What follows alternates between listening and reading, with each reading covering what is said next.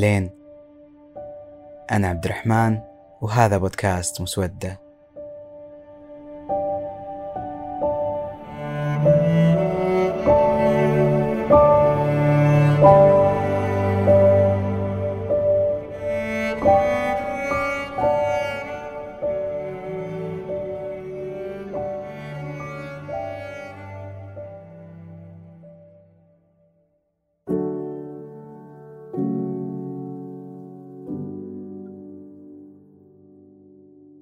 يتفق كل البشر أن الهدف المشترك للإنسان هو الوصول إلى السعادة ويقولون ممكن يقعد الإنسان طول عمره في دوامات وهو تعيس وما يوصل للسعادة السعادة الحقيقية على الأقل إيش هي السعادة؟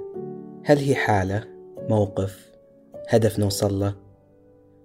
بعض التعريفات للسعادة تقول أن هي ذلك الشعور المستمر بالغبطة والطمأنينة والأريحية هذا الشعور يأتي نتيجة الإحساس الدائم بخيرية الذات وخيرية الحياة وخيرية المصير.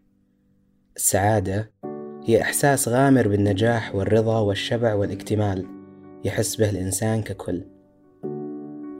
نقدر نقول أن السعادة بكل بساطة هي الرضا. رضاك بمستوى حياتك، دراستك، عملك، علاقاتك.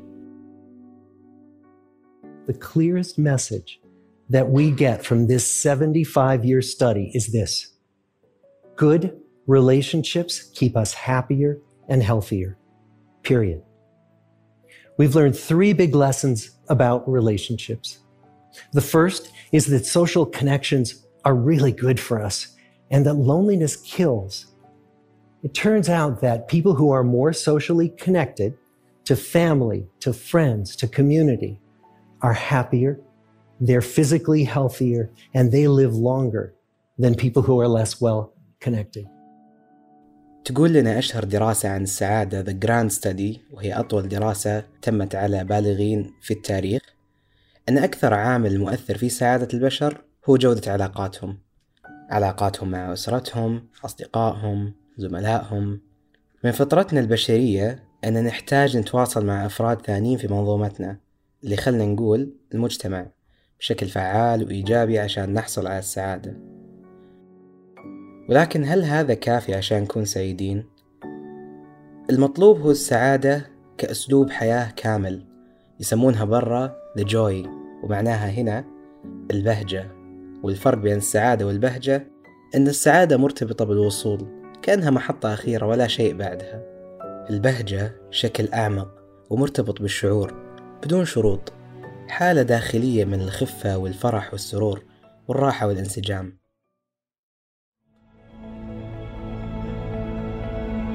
And in this moment, I swear, we are infinite. من هو المبتهج؟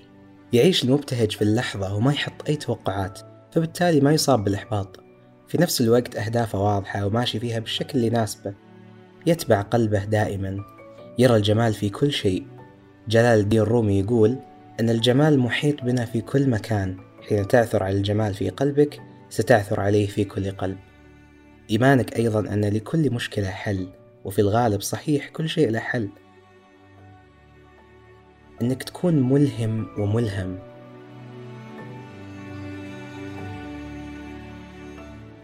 طيب إيش اللي يعيق بهجتك؟ تعليق شعورك بأسباب. إذا تخرجت بكون سعيد ما برتاح إلا إذا حصلت الوظيفة الفلانية وغيرها.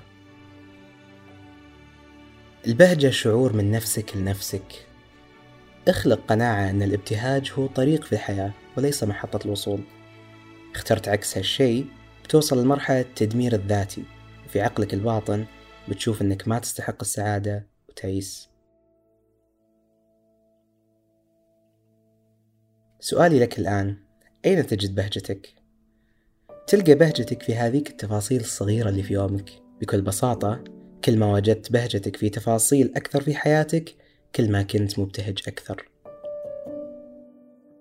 أشياء تسعدني يعني أو أسعد فيها. أول شيء هي بسمة الوالدة وضحكتها الله يحفظها يا رب. يعني حتى بعض الأحيان أشغل لها مسرحية عشان تضحك وأضحك معاها آه إني أصحى شبعان نوم قبل ما يرن المنبه هذا شيء عظيم مرة مبسوط فيه. وبرضو مشاركة خبر جميل مع ناس يعزون علي. أوه ورسالة نزول المكافأة. هذه جدا عزيزة على قلبي. أكثر شيء يسعدني إني أكمل أهدافي اليومية على أتم وجه. مثلا يسعدني إني أخلص مذاكرتي اليومية إني أتمرن إني أقوم بواجباتي بشكل عام يعني. الأشياء اللي تسعدني لما أشوف نتيجة للجهد اللي بذلته. شرب كوب قهوتك أو شايك اليومي. قراءة كتابك الأسبوعي أدائك المتقن لأغنيتك المفضلة مهماتك الدراسية أو الوظيفية اللي تستمتع بلحظة شطبها من لائحة مهامك. أنا عني أحب كثير أثر كوب القهوة على الطاولة أو الصحن. عشان كذا بتشوفون في شعار مسودة أثر كوب قهوة.